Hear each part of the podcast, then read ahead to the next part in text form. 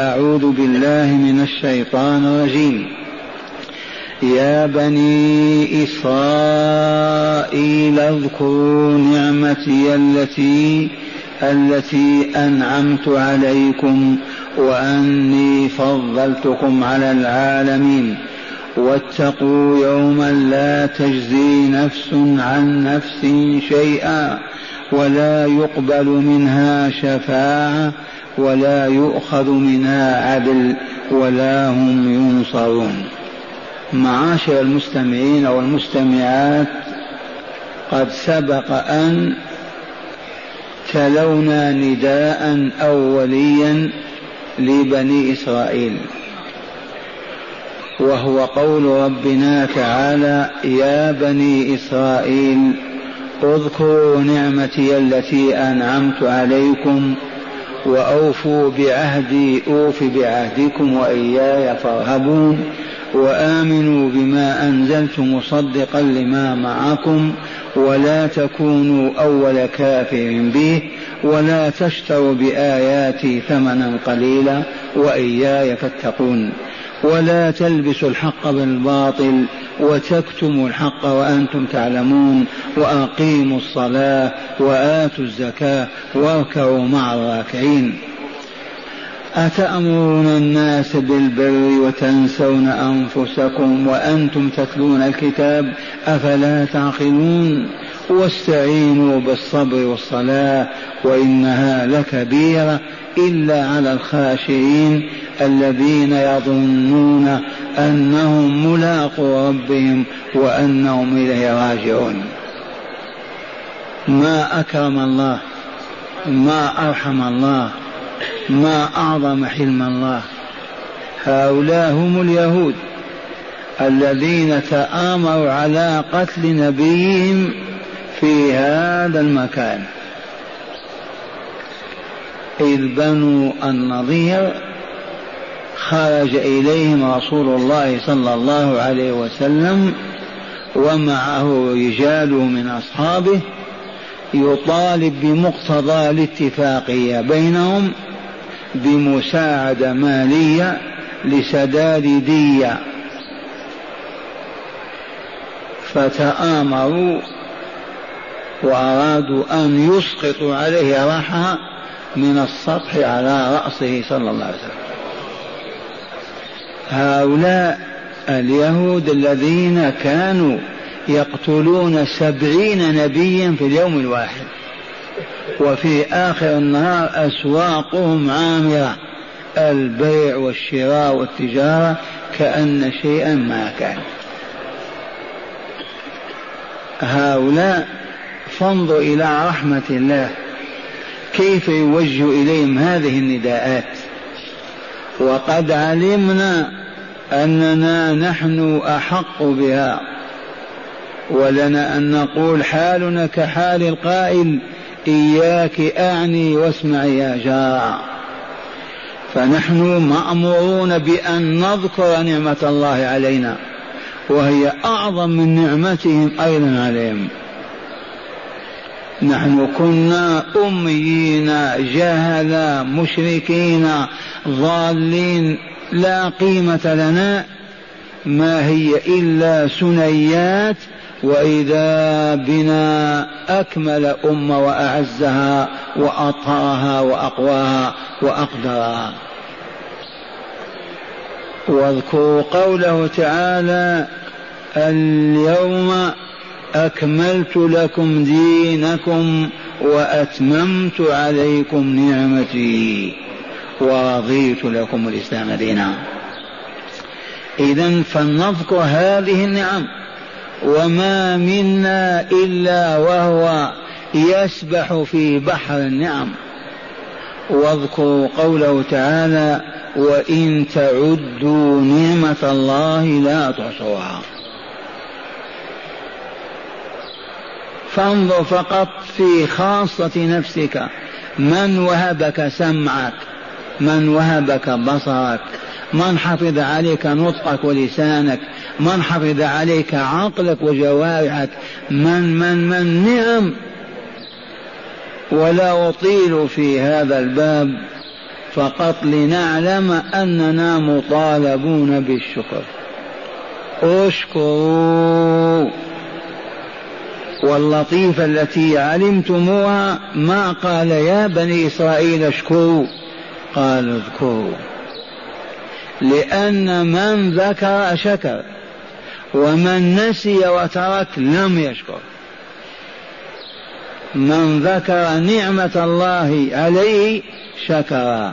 ومن تجاهلها وتغافل وتناساها ولم يذكر ساعة ما أنعم الله به عليه من نعمة الإيجاد والإمداد فهذا كيف يشكر؟ وقد جلنا في هذا المجال وعرفنا الكثير وحسبنا أن نشير إلى بعض ذلك. نعمة المال يا أبنائي من أجل النعم فإياك أن تصرفها فيما يسخط المنعم جل جلاله وعظم سلطانه.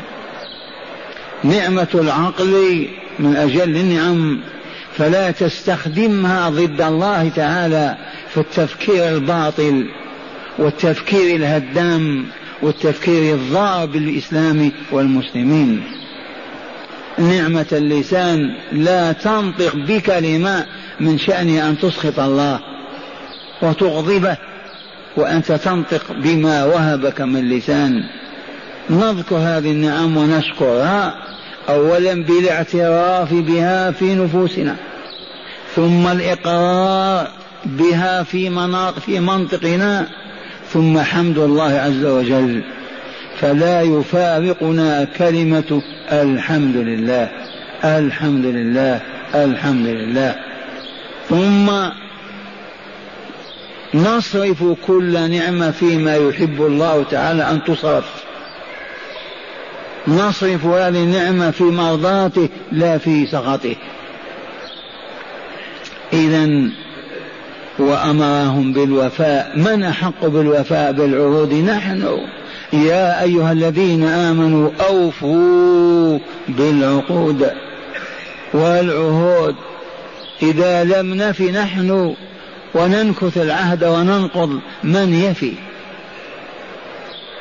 يوجه تعالى بني إسرائيل هذه الكمالات ونحن ننسى أنفسنا. وما من أحد منا شهد شهادة الحق وقال أشهد أن لا إله إلا الله وأشهد أن محمد رسول الله إلا أعطى الله عهدا وميثاقا أن يعبده أولا وأن لا يعبد معه سواه ثانيا وأن لا يعترف بعبادة غير الله بحكم شهادته القائمة على العلم أشهد أن لا إله إلا الله. إذا فاعبده وإلا ما معنى شهادتك؟ لا تشرك به سواه وإلا معنى لا إله إلا الله. ولا ترضى بعبادة غيره وإلا لا معنى لقولك لا إله إلا الله. ومن شهد أن محمدا رسول الله يجب أن يتسلم الرسالة التي جاء بها وأن يقرأها وأن يعرف ما فيها وأن يعمل بما في تلك الرسالة. وإلا ما معنى شهادة أن محمد رسول الله؟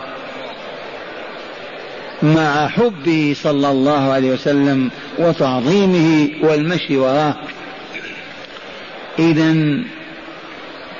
وأمرهم برهبته تعالى وبتقواه ونحن أحق بهذا. ينبغي أن نرهب ربنا وأن نتقيه ونخافه لأننا ضعف عجز مفتقرون إليه وهو الجبار العزيز القهار إذا لم يرهب من يرهب؟ وإذا لم يتق الذي بيده الخير والشر والإعزاز والإذلال والعطاء والمنع والإماتة والإحياء من يتقى؟ لا قيمة لغير الله في التقوى. يتقى لأنه بيده سعادتنا وشقاؤنا إحياؤنا وإماتتنا. وحذرهم من أن يلبسوا الحق بالباطل.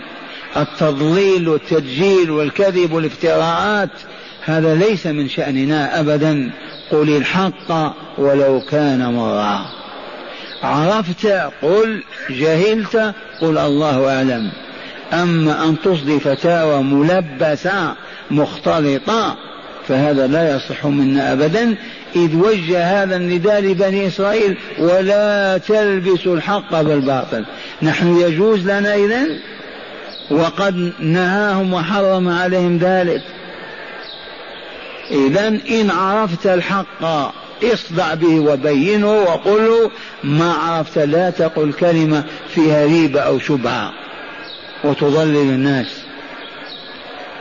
ثم كتمان الحق مع خزي هبوط أتعرف الحق وتكتمه لمصلحة دنيوية.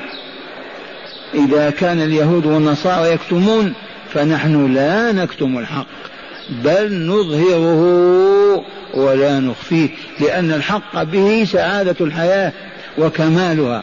فإذا كتمناه حل محله الباطل وأصبح الناس يعيشون في الباطل.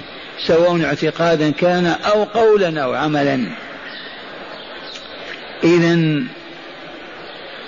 وأمرهم بإقام الصلاة وإيتاء الزكاة. وهل نحن غير مأمورين بذلك؟ عشرات الآيات التي تأمر بهذا. هيا نقيم الصلاة. أعيد هذه الكلمة. وأسفاء وحصرتا استقل لنا نيف وأربعون إقليما. وأصبحت الأقاليم الإسلامية يديرها مسلمون ويحكمونها مؤمنون ولم يؤمر بإقامة الصلاة في إقليم منها كأنهم ما يقرؤون القرآن ولا يعرفون الإسلام. ومن رأى شيئا فليخبرني. من أندونيسيا إلى موريطانيا هذا البلد دولة عبد العزيز خلوها هذه ربانية. لكن نقول استقلالنا عن الغرب والشرق وإقامة دويلات تعتز وتصول وتجول ما أمرت أمة الإسلام فيها بإقام الصلاة لماذا؟ ما السر؟ مع أن إقام الصلاة فائدته أن يقلل من الجريمة الخلقية والبدنية وكل الجرائم إقام الصلاة يقضي عليها والله لو قيمت الصلاة بمعنى إقامتها في إقليم لنقصت ميزانية الأمن على النصف لأن إضاعة الصلاة معناها فتح باب الجريمة. الخيانة والفجور والكذب والشر بمظاهر كلها. فإذا أقيمت حسبك أن تقرأ قول الله تعالى وأقم الصلاة إن الصلاة تنهى عن الفحشاء والمنكر. ونقول لهم بلغوا هيا نمشي إلى المحافظ مدير الشرطة. ونقول له يا سيادة الرئيس أعطنا قائمة بأسماء بأسماء المجرمين في هذا الأسبوع أو هذا الشهر. يعطينا قائمة فيها مئة.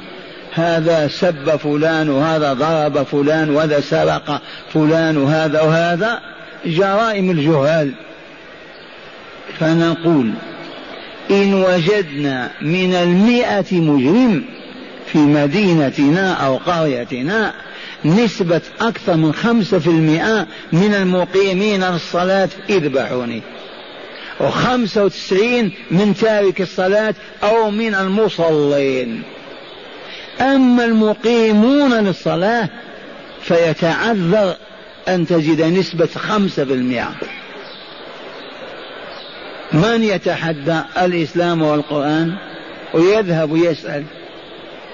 خمسة وسبعين في المئة زناة لايطون سرق كذب خون رشاة مرشيون كذا من تارك الصلاة ومن المصلين الذين لم تزكي الصلاة نفوسهم. لم توجد لهم الطاقة النورانية لأنها غير صحيحة. ما تولد نور ولا حسنات. وأمرهم بإيتاء الزكاة نبكي أيضا ونصرخ. لما ما تجبى الزكاة ويذكر المؤمنون والمؤمنات بواجبهم في إسلامهم بل بقاعدة إسلامهم. تضرب الضرائب الفاجحة في أقاليم وبلاد في العالم الإسلامي والزكاة لا يطالب بأحد. لماذا؟ حتى لا يذكروا بأنهم مسلمون. أعوذ بالله. من يفهم هذا الفهم؟ هذا هو الواقع. أضمروا في نفوسهم أو لم يضمروا عرفوا أو لم يعرفوا. يحكمون شعبا مسلما. حتى ولو كانوا هم كفار يقولون للشعب أنتم مسلمون. جباية الزكاة قاعدة من قواعد دينكم. لا بد وأن تجبوا الزكاة تجمعوها. لإعاشة الفقراء والمساكين أو لمصالح الأمة في داخل وخارجه أبدا. أمور تؤسف وإلا لا اليهود يؤمرون بإقام الصلاة وإيتاء الزكاة والمسلمون لا لا. ما يقرؤون هذا ولا يفهمونه. واركعوا مع الراكعين لا صلاة للمنفرد إلا في جماعة المسلمين. هذا نظام حياتنا هذا مصدر كمالنا. لا يتخلف عن الصلاة ويصليها وحده إلا ذو عذر حقيقي من مرض أو خوف وعلى هذا أمة الإسلام. ويؤذن المؤذن في العالم الإسلامي والشوارع هائجة مائجة بالبشر وحي ترى واحدا دخل المسجد كأنه خائن. من أندونيسيا إلى موريطانيا ما لنا ما نقرأ القرآن. الله يقول لليهود اركعوا مع الراكعين لا تصلوا وحدكم. في بيوتكم صلوا مع الناس ونحن نقول لا إيش فيه نحن مسلمون. ثم زادهم أتأمرون الناس بالبر وتنسون أنفسكم وأنتم تتلون الكتاب أفلا تعقلون؟ هذه تنطبق علينا أكثر منهم. خطباؤنا دعاتنا قل ما شئت وبالأمس مر بهم الرسول في جهنم. روى أحمد في مسنده أن النبي صلى الله عليه وسلم قال مررت ليلة أسري بي برجال من أمتي. تقرض شفاههم وألسنتهم بمقاريض من نار. فقلت يا جبريل من هؤلاء؟ قال خطباء أمتك. يأمرون بالمعروف وينسون أنفسهم. هل انتفع المسلمون بهذه الآية؟ كأنما هي في التوراة هذه ما هي في القرآن.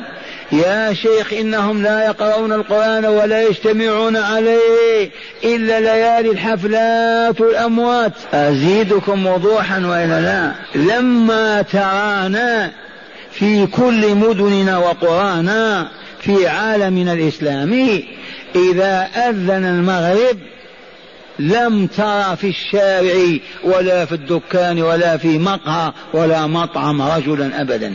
أين الرجال؟ أين الفحول؟ في بيت الرب. ومعهم نساؤهم وأطفالهم أيضا. يجتمعون في مسجدهم في الحي أو في القرية. اجتماعنا هذا. نساؤنا وراء الستار والمسمعات ومكبرة الصوت بينهن وأطفالنا أمامهن والفحول أمام المربي كل ليلة وطول العام.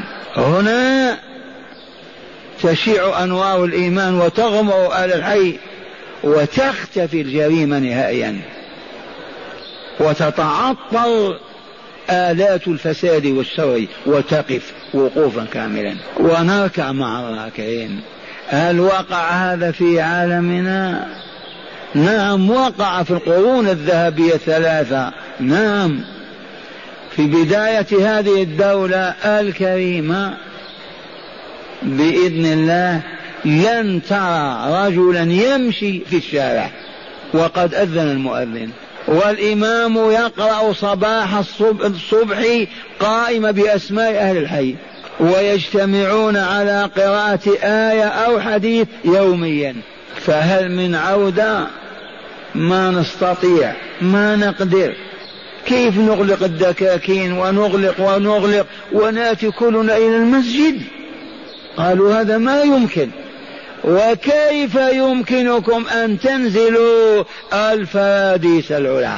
بينوا لنا إذا كان تعجزون عن أن تجتمعوا في بيت ربكم لتتعلموا الكتاب والحكمة لتصبحوا أولياء علماء ربانيين نساؤكم وأطفالكم أمثالكم أمة نورانية من أجل التضحية بساعة ونصف في بيت الرب. كيف ترقون إلى الملكوت الأعلى؟ أو لا تؤمنون بالفراديس العلا؟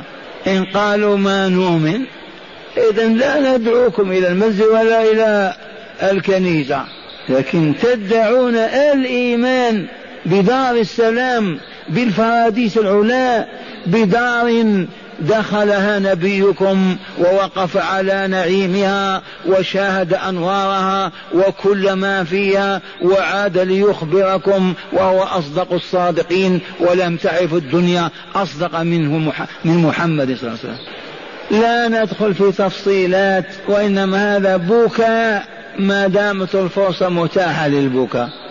هذا المجلس اطلبوا هل تجد مثلنا هنا حتى في المدينة؟ طالع المساجد خالية الحمام يزغرد فيها. أين أهل المدينة؟ في التجارة في المساء في الأسواق في العمل. أين النساء أمام التلفاز؟ أين الأطفال يلعبون؟ ذي هي أمة تلقى الملكوت الأعلى؟ ما تضحي ولا بشيء. وسوف نذكر هذا وليس بأيام بعيدة. يوم ما تحشرج في الصدر ويقول الأطباء مات أخوكم. ثم تنكشف الحقيقة. وتعرف من أنت وما أنت. إن الذين قالوا ربنا الله ثم استقاموا. تتنزل عليهم الملائكة بماذا؟ بالبشائر ألا تخافوا ولا تحزنوا وأبشروا بالجنة التي كنتم توعدون فيلفظ روحه وهو ينظر إليها ويبتسم. إذا وقع وجوه يومئذ مسفرة ضاحكة مستبشرة ووجوه يومئذ عليها غبرة ترهقها قترة. أولئك هم الكفرة الفجرة. إذا وقال لهم مرشدا معلما واستعينوا بالصبر والصلاة. هل استعنا بالصبر والصلاة؟ ما عرفنا هذا المعنى ولا طلب. كيف نستعين بالصبر؟ استعن على رقيك الملكوت الأعلى بصبرك بحبس نفسك على محاب الله لا تفارقها. بحبس نفسك المتمردة المتبرمة اقهرها أذلها أخضعها لأن تقف بعيدة عن مساخط الله فلا تقربها أبدا. احبسها على أيام الامتحان بالمرض والجوع والبلاء والموت احبسها حتى لا تصرخ ولا تجزع ولا تقول إلا ما يرضي الله. هذا هو جهاد النفس. والذين جاهدوا فينا لنهدينهم سبلنا وإن الله لمع المحسنين. يترك ترتع كالبهيمة في كل مواطن الشر والفساد. هذا جاهد نفسه وبالصلاة. كيف نستعين بالصلاة؟ نعم هذا نبي الهدى. هذا القائد الأعظم صلى الله عليه وسلم. كان إذا حزبه أمر فزع إلى الصلاة. انظر انظر. عبد الله بن عمر رضي الله عنهما قادم من مكة. في الطريق في بدر وإلا وراءها قالوا يا عبد الله توفيت امرأتك فنزل من على دابته أو بعيره وصلى. فقيل له قال نعم كان رسول الله صلى الله عليه وسلم إذا حزبه أمر فزع إلى الصلاة. استعن على مقاومة النفس والهوى والشيطان والدنيا استعن بالصبر والصلاة. إذا خطر بنفسك خاطر سوء قم. الله أكبر. واطرح بين يدي الله وابكي. الساعة والساعات. يرحل الشيطان وكل مظاهر التي أراد أن يفسدك بها. هل فعل المؤمنون هذا؟ هل عرفوه؟ الذين يجلسون أمام التلفاز. والدش أو الطش والعاهرة ترقص أمامهم وهم يضحكون. مؤمنون هؤلاء؟ أسألكم بيت مسلم. الكفر الفجر يغنون ويرقصون ويتكلمون ويرفعون أذرعتهم وأيديهم.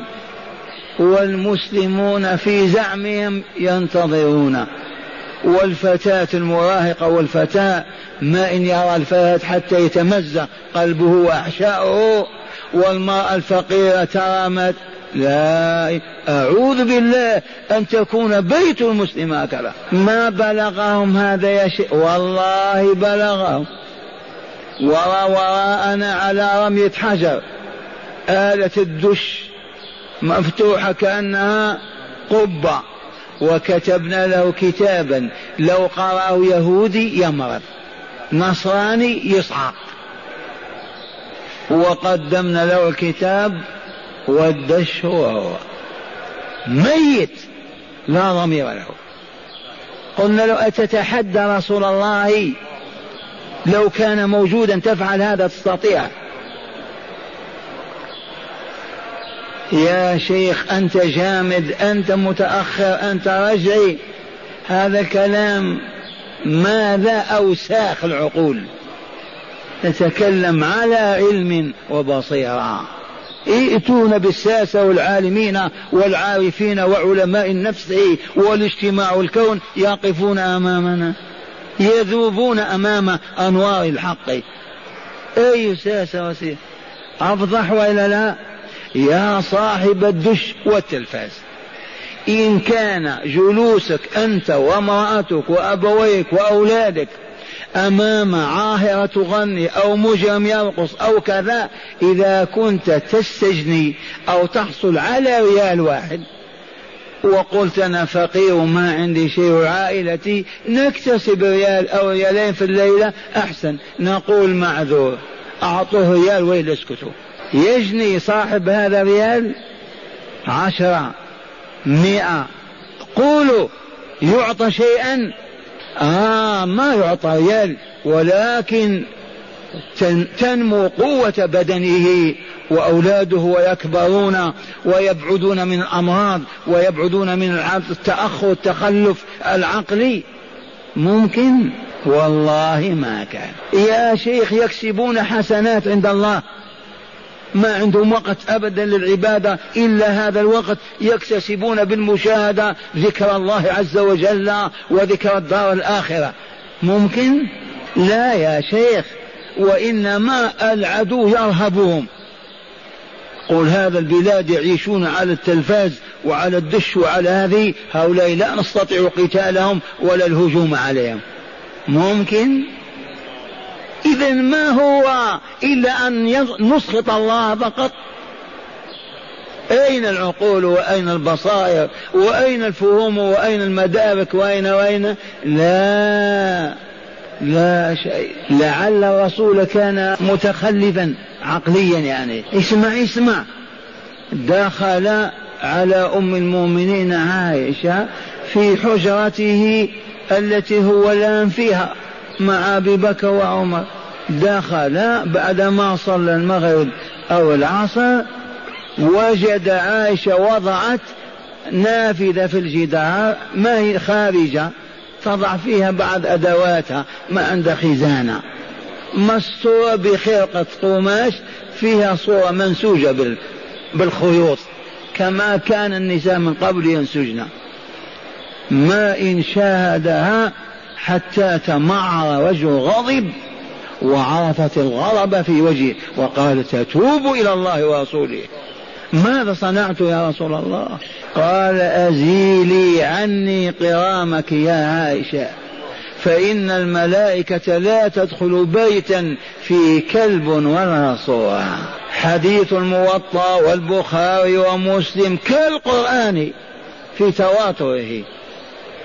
ما بلغنا هذا؟ أو نتحدى رسول الله. إيش فيه؟ وإذا شاهدنا خففنا عن أنفسنا وروحنا عليها شاهدنا راقصة ترقص أو أغاني لطيفة تحرك ضمائر قلوبنا إيش فيه؟ يقول هذا مؤمن عرفتم؟ وإن أردتم النقمة الإلهية على الأبواب والله إن لم يتدارك الله المسلمين بتوبة صادقة لحل بهم ما حل بأجدادهم أيام الاستعمار البريطاني والأصباني والإيطالي والفرنسي. والله لأعظم لأن أجدادنا كانوا أميين جاهلين ما عندهم علم ولا كتاب. ذهب عم يطلب لي كتاب بريالين بحثنا في الشرق والغرب ما حصلنا. مصحف. في الكتاب كل الأولاد يطالعونه. ما عندنا مصحف. كيف تلومنا؟ هذا وضعنا. فكيف بنا نتحدى الله مع ما وهبنا وأعطانا من وسائل العلم والمعرفة والبصيرة؟ كلنا عرف الطريق إلى الله واستنكفوا. اذا فلينتظروا. اللهم أمتنا قبل الفتنة. فقد كان النبي يقول اللهم إن أردت بقوم فتنة فاقبضنا إليك غير مفتونين. وإنها لا على الأبواب. وكلمة صحوه ما صحوه هو أين آثارها؟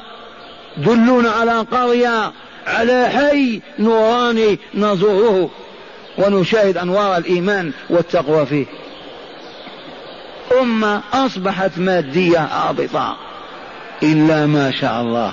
إذا وأخيرا يقول لهم وإنها لكبيرة أي التمسك بحبل الله إقام الصلاة إيتاء الزكاة الأمر بالمعروف النطق بالحق. أمر ما هين إلا على الخاشعين.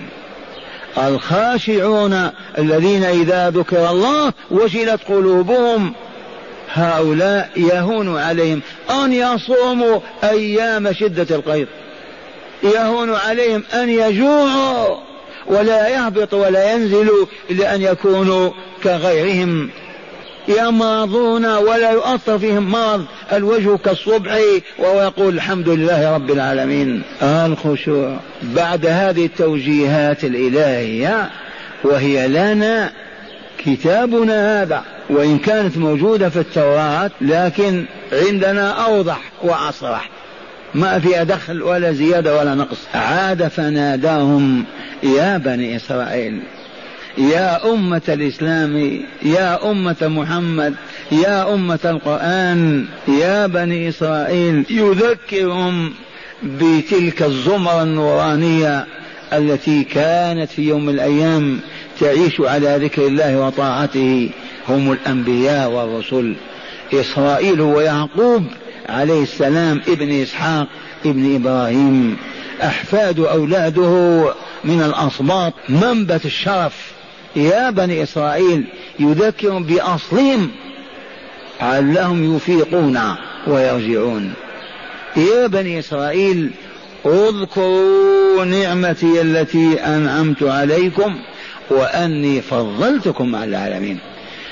يأمرهم بذكر النعمة لأي شيء يغنوا بها بالدفوف يذكروها من أجل أن يشكروها. من ذكر النعمة والله شكرها. على الأقل يقول الحمد لله. ومن لم يذكر يشكر. الذي يعيش مثل كالبغل في صحة وقدرته. ما يذكر هذه النعمة. يقول الحمد لله أني بخير ما يذكر.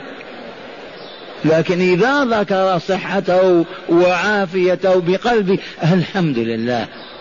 الحمد لله. وأغلب إخوانكم المسلمين لا يذكرون نعم الله إلا من ندر وفي مناسبات قليلة. إلا إذا قلت كيف حالك؟ يقول الحمد لله. أما أن يغمض عينيه لحظة ويذكر ما هو فيه من النعم من هذه الحياة الحمد لله الحمد لله. نادر هذا. صاحبه قلبه حي. ما عليه سحب ولا أمراض. ذكرت لكم تعشينا أو تغدينا في بريدة. ما إن وضعت السفرة وأخذنا في الأكل. والذي دعانا أستاذ وله والد كبير السن شيخ. من ساعة ما وضعت السفرة وذاك الشيخ الحمد لله الحمد لله الحمد لله الحمد لله ممكن ساعة ونصف. حتى فرغ الأكل من الأكل. فحفظنا تلك الصورة نادرة كالكوكب في سماء الدنيا. الحمد لله الحمد لله والله لو نذكر نعم الله علينا ونحن في الشوارع الحمد لله الحمد لله. ما بقي وقت للأغاني ولا المزامير ولا الطبول ولا الله مشغولون بذكر الله. يا بني إسرائيل اذكروا نعمتي التي أنعمت عليكم وهي نعم وأني فضلتكم على العالمين أي على عالم زمانهم. أيام كان بنو إسرائيل أنبياء ورسل وصلحاء وأطهار كمريم وحناء ما كان شعب في الصين ولا الشرق والغرب أفضل من تلك الأمة. فضلهم بالأنبياء بالوحي الإلهي بالمعجزات والكرامات. اذكروا تلك النعم. واتقوا يوما لا تجزي نفس عن نفس شيئا. ما هذا اليوم الذي يتقونه وبما يتقونه هذا اليوم هو يوم القيامة. يوم يقوم الناس لرب العالمين. يوم تبرز الجحيم للناظرين وبرزت الجحيم للغاوين. يوم تزلف الجنة وأزلفت الجنة للمتقين والخليقة واقفة. والرب تعالى يأتي والأنوار تغمر الكون الموجود وينصب الميزان ويأخذ الحساب والجزاء. اذكروا هذا اتقوا هذا اليوم. واتقوا يوما لا تجزي نفس عن نفس شيئا. ابدا. لا يوجد إنسان مهما كان في شرفه أو هبوطه يعوض به نفسه شخصا آخر. والله لا يوجد في الآدمية كلها في البشرية كلها من يقول يا ربي وأبي استوجب النار وأنا فداه. أدخله الجنة مع الداخلين وأنا أدخل النار. والله ما يمكن. أبدا. والله لو أن قبيلة كاملة وثم لا قبيلة. كل واحد يصرخ بنفسه. قبيلة كاملة يا ربي. هذا عبد من عبادك ما نرضى أن يدخل النار ويشقى في عالم الشقاء. نحن بدله نحن فداء. أدخل والله ما كان. أزيدكم. والله لا نبي ولا رسول ولا ولي ولا عبد صالح يستطيع أن يفدي آخر. أبدا. لا تجزي نفس عن نفس شيئا ولا يقبل منها عدل ولا تنفع شفاعة. لعلكم ما اطمأننتم. هل بلغكم أن نوحا قال يا رب إن ابني من أهلي وإن وعدك الحق وأنت أحكم الحاكمين ماذا قال الله؟ يا نوح إنه ليس من أهلك. إنه عمل غير صالح. إنه عمل غير صالح. فلا تسألني ما ليس لك به علم. إني أعظك أن تكون من الجاهلين. آزر والد إبراهيم. تعرفون إبراهيم الآن؟ أبو الأنبياء أبو الضيفان إمام الموحدين. إبراهيم على جلالتي وعلو مقامي. في عرصات القيامة في تلك الساحة والخليقة واقفة منهم من مضى عليه أربعون ألف سنة. في يوم كان مقداره خمسين ألف سنة. يقول يا ربي يا ربي لقد وعدتني ألا تخزيني يوم يبعثون. وهذا أبي الأبعد في النار. فأي خزي أخزى من هذا يا رب؟ هذا لو تجمع كفار اليوم كلهم ما يساوونه. وعندنا بيانات على هذا. فماذا يتم لإبراهيم وهو يصرخ؟ قال رسولنا صلى الله عليه وسلم فيلقى آزر بين يدي إبراهيم في صورة ضبع ملطخ بالدماء والقيوع انظر تحت قدميك يا إبراهيم فإذا بأبيه آزر في صورة ضبع بل ذكر لأن أقبح صورة في الحيوانات ذكر الضبع, الضبع. أنثاه لطيفة أما هو أبشع صورة. وملطخ بالدماء والقيوح بين يديه. ما إن يراه حتى يقول سحقا سحقا سحقا يا ربي. فيؤخذ من قوائمه الأربع بواسطة الملائكة ويرمى في عالم الشقاء فتطيب نفس إبراهيم. فلم يذكر أباه أبدا. عرفتم؟ ها هو رسول الله. يا فاطمة بنت محمد إني لا أغني عنك من الله شيئا. هذه فلذة كبد رسول الله.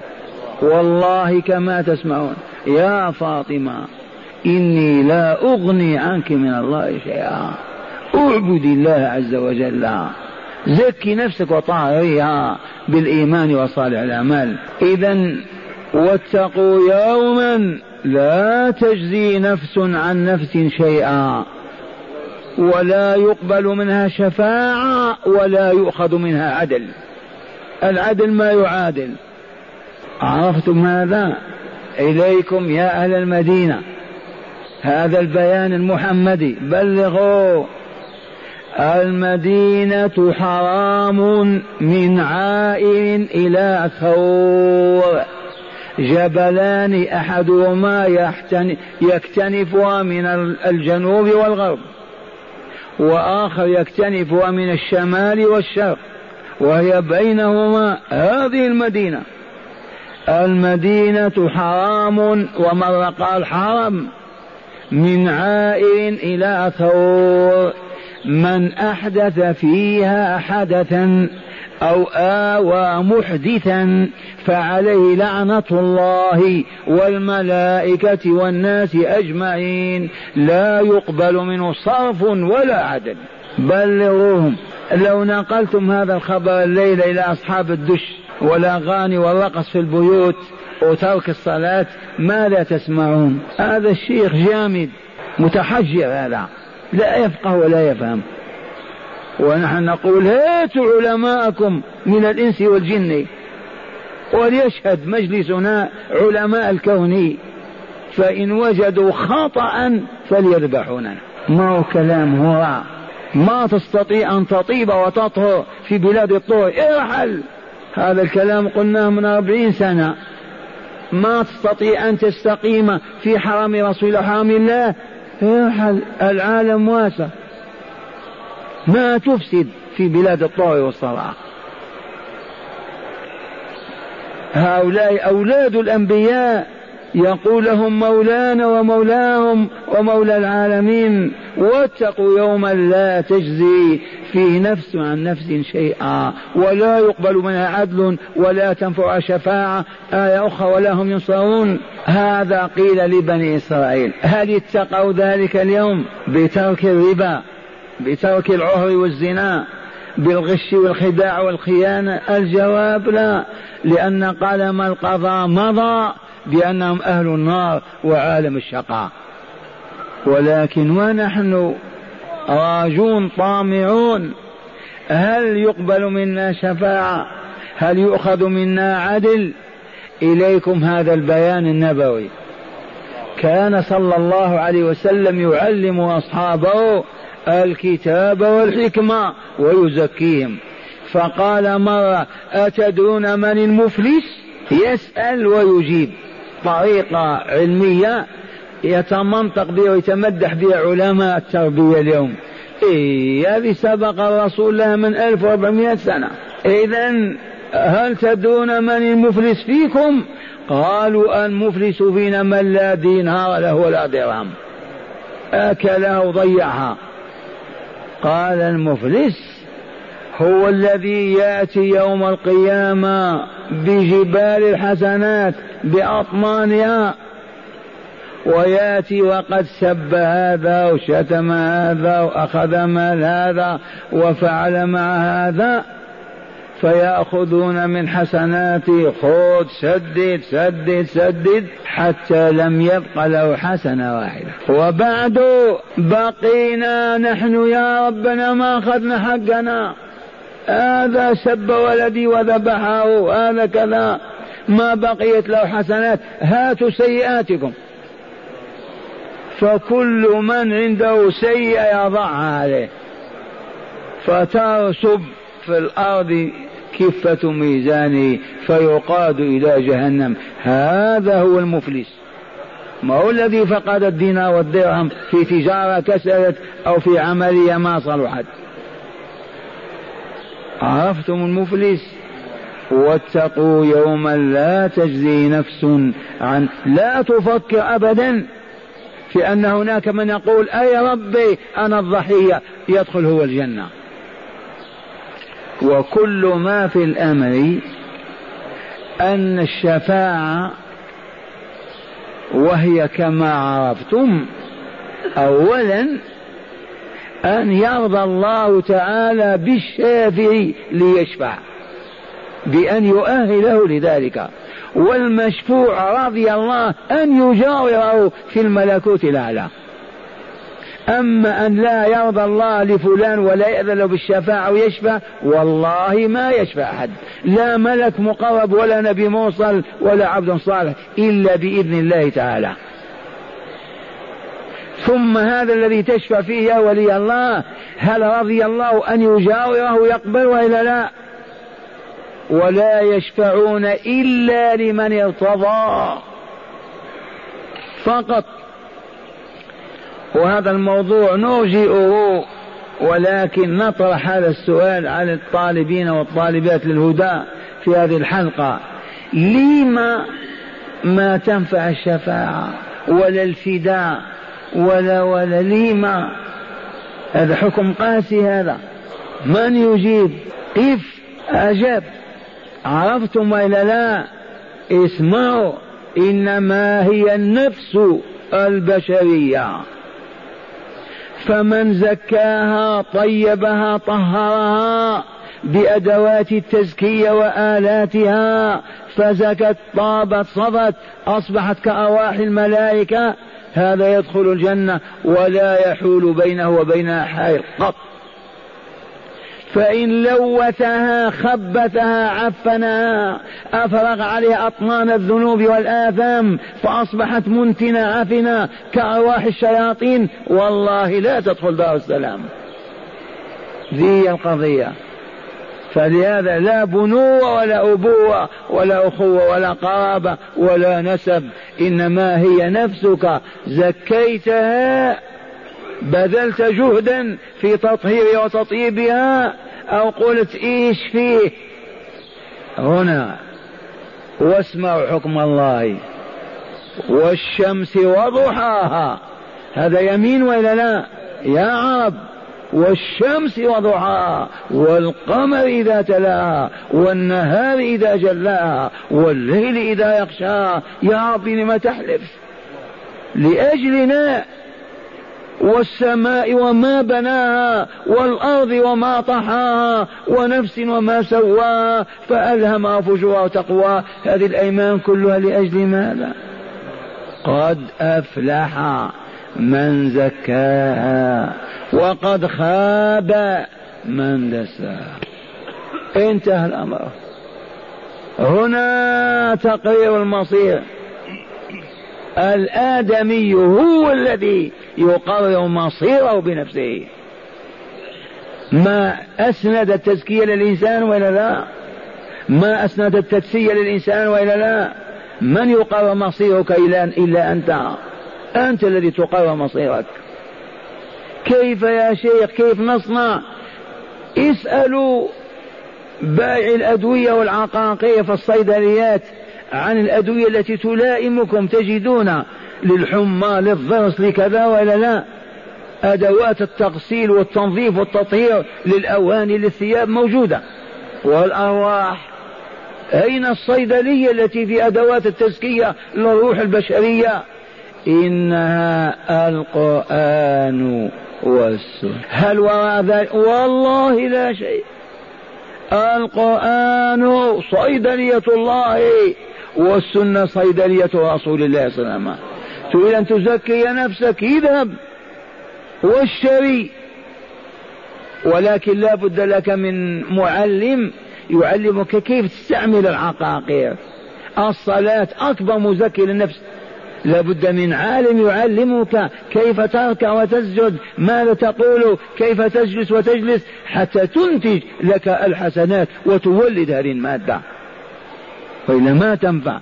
ومن هنا بدأنا وعدنا لا بد من العلم لا بد من العلم لا بد من العلم علم الكتاب والسنة ويطلبان في بيوت الرب مع الصدق والرغبة الدافعة في تطهير النفس وتزكيتها وليس وراء ذلك شيء.